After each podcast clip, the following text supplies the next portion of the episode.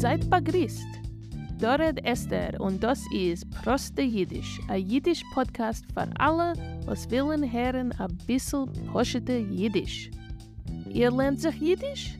Ist das ein Podcast für euch? In Episode 7 wollen wir hören von noch einem Gast, Joshua Ruben. Joshua wohnt euch in Melbourne und er wird reden wegen unser jüdischer Chor. Ich freue sich sehr, wenn Menschen stützen Proste Jiddisch und schicken mir Rekordierungen. Ach, gar schön. Und als ihr wollt, könnt ihr euch Anteil nehmen in Proste Jiddisch. Schickt mir ein Voice Memo. Wir wollen bald hören von Joshua, aber koidem kol wollen wir spielen in Mysteriöser Mensch.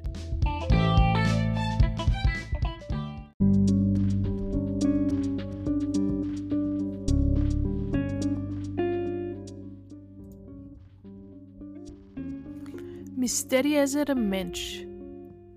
Kennt ihr treffen? Wer ist der mysteriöse Mensch?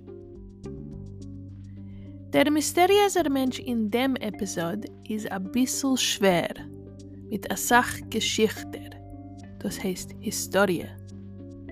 Gita guck in einem Transkript für Links und Vokabular.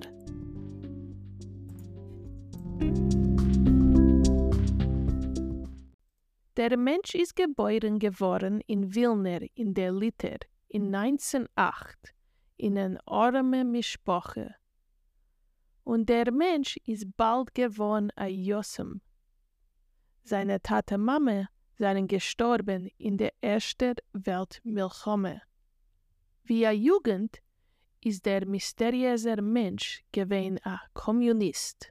Die Polizei hat ihn arrestiert und er ist gesessen in Twisse a lange Zeit. Der mysteriöse Mensch hat geschrieben Lieder und euch Meises und Artikeln. Er ist gewesen ein wichtiger Mitglied von Jung Wilner. Jung Wilner ist eine literarische Gruppe.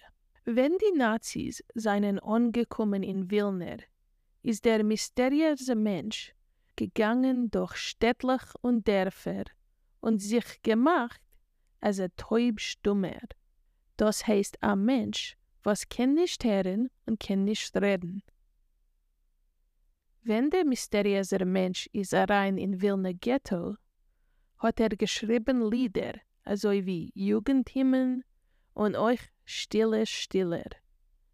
In Ghetto hat er gearbeitet mit der Papierbrigade was haben geratet Bücher und Dokumenten von den Nazis. Der mysteriöse Mensch ist gewesen Mitglied von der Vereinigten Partisanenorganisation. Er ist heraus von Wilner Ghetto in 1943 und hat gekämpft mit den Partisanen im Wald. Der Mensch hat übergelebt der Milchome und geschrieben Sachbücher er hat euch geschrieben Lieder nach dem Milchome, also wie Geschehen und soll schon kommen die Geule. In 1950 hat er besetzt in Buenos Aires, Argentinien, und er ist gestorben in 1954. Das ist unser mysteriöser Mensch. Ihr wisst, wer ist der Mensch?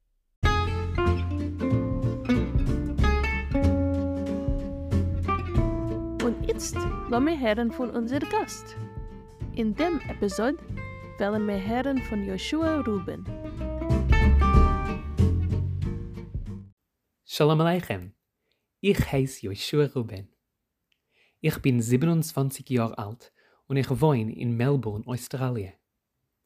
Ich bin ein jüdisch Lehrer bei der Shalom Aleichem Schule da in Melbourne.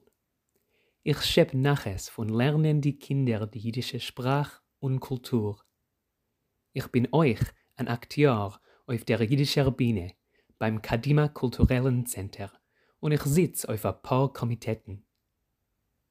Die ganze jüdisch redende Kehille da in Melbourne ist mir heimisch, aber ich will reden speziell wegen dem Chor.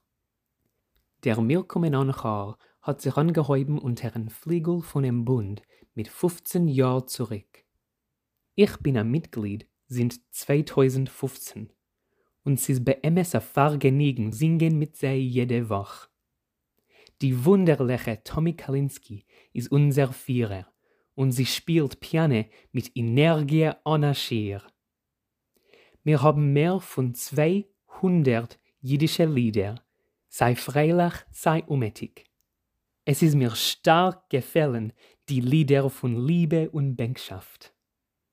Wir singen in Konzerten und Akademies, lemaschel beim Inein Kol Festival und le Covid dem Chuben Andenktag. Aber wenn wir singen nur zwischen sich und schmussen nach jedem Lied, ist das Tacke heimisch.